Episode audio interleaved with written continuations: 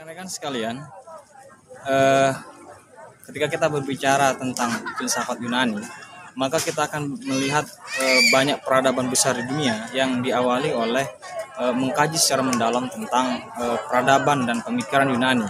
Kita bisa lihat misalnya di abad ke-7 dan abad ke-8 ada peradaban eh, besar yaitu Islam yang berkembang begitu besar, hampir menguasai dunia. Eh, peradaban Islam ini juga banyak menganotasi pemikiran-pemikiran Yunani. Banyak komentator-komentator hebat yang itu mengkaji pemikiran-pemikiran Yunani. Kita bisa lihat misalnya ada Al-Kindi yang kita kenal, ada Al-Farabi, ada Ibnu Sina, dan yang belakangan ada uh, Ibnu Rus yang sangat terkenal sekali. Kemudian kita beranjak kepada uh, abad pertengahan misalnya, abad ke-15 yang kita kenal ada zaman uh, Renaissance, uh, rebirth, kelahiran kembali yang di yang lahir di di Eropa.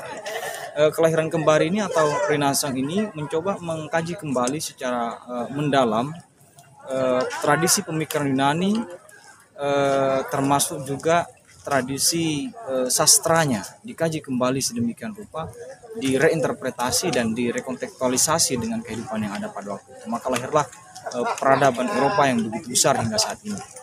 Kemudian di abad uh, ke-17 kita mengenal juga ada uh, yang kita kenal sebagai enlightenment, abad pencerahan. Ini juga tidak terlepas dari uh, bagaimana pemikir-pemikir Prancis terutama mencoba mengkaji lebih jauh, menginterpretasi lebih jauh uh, tentang peradaban Yunani.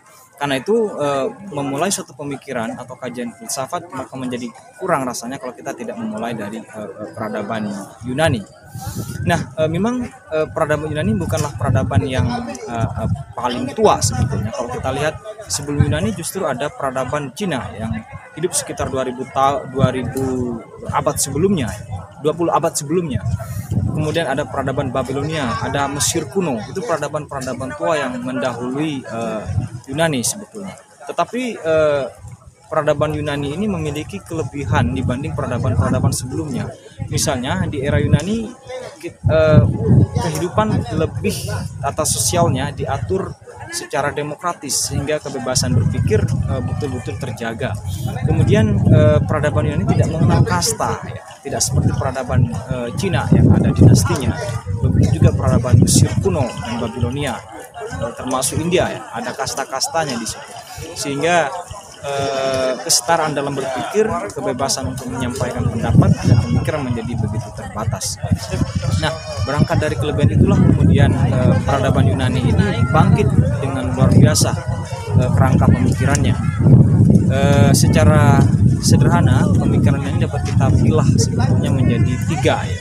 Yang pertama ini adalah pemikiran yang bercorak eh, kosmosentris eh, atau kosmologis kemudian pemikiran yang bercorak sofistis dan pemikiran bercorak antroposentris ya.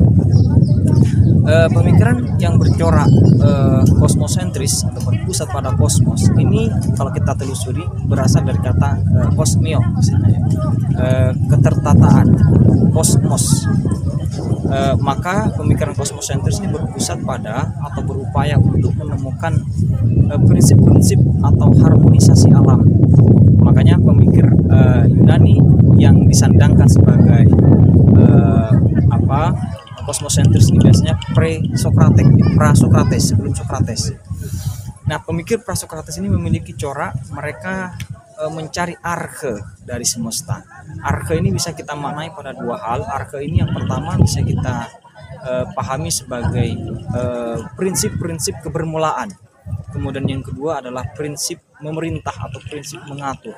Jadi eh, kosmosentris eh, eh, eh, pemikiran pra Sokrates ini berupaya mencoba menemukan anasir-anasir alam atau unsur-unsur yang diyakini sebagai eh, apa lahirnya atau bahan baku alam semesta.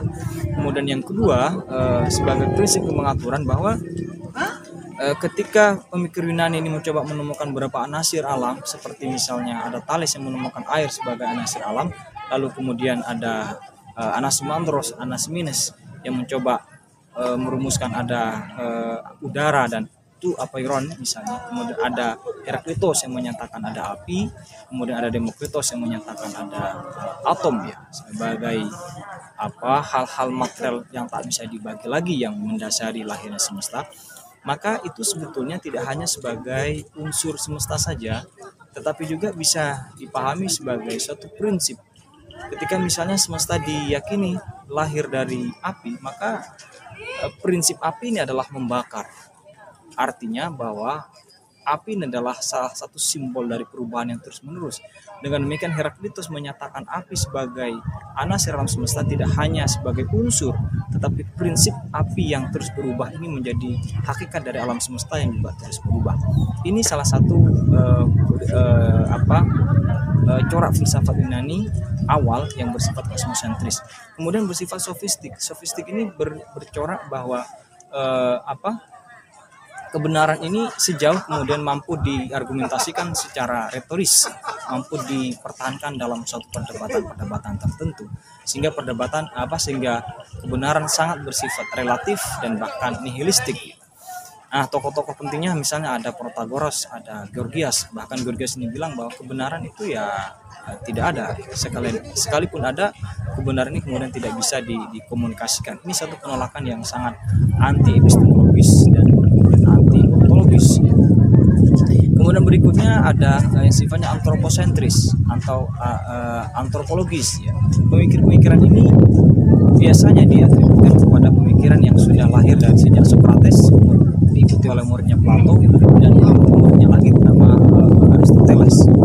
Nah, uh, corak pemikiran uh, Sokratian ini sudah berbicara tentang uh, hakikat manusia, berbicara tentang uh, politik, berbicara tentang etika, berbicara tentang moral, berbicara tentang pendidikan yang itu uh, sangat erat kaitannya dengan kehidupan kehidupan uh, antroposentris dari manusia itu sendiri. Uh, begitulah saya kira uh, sekilas tentang uh, bagaimana pemikiran uh, Yunani ini uh, bisa kita petakan. Tentu saja pembahasan lebih jauh perlu kita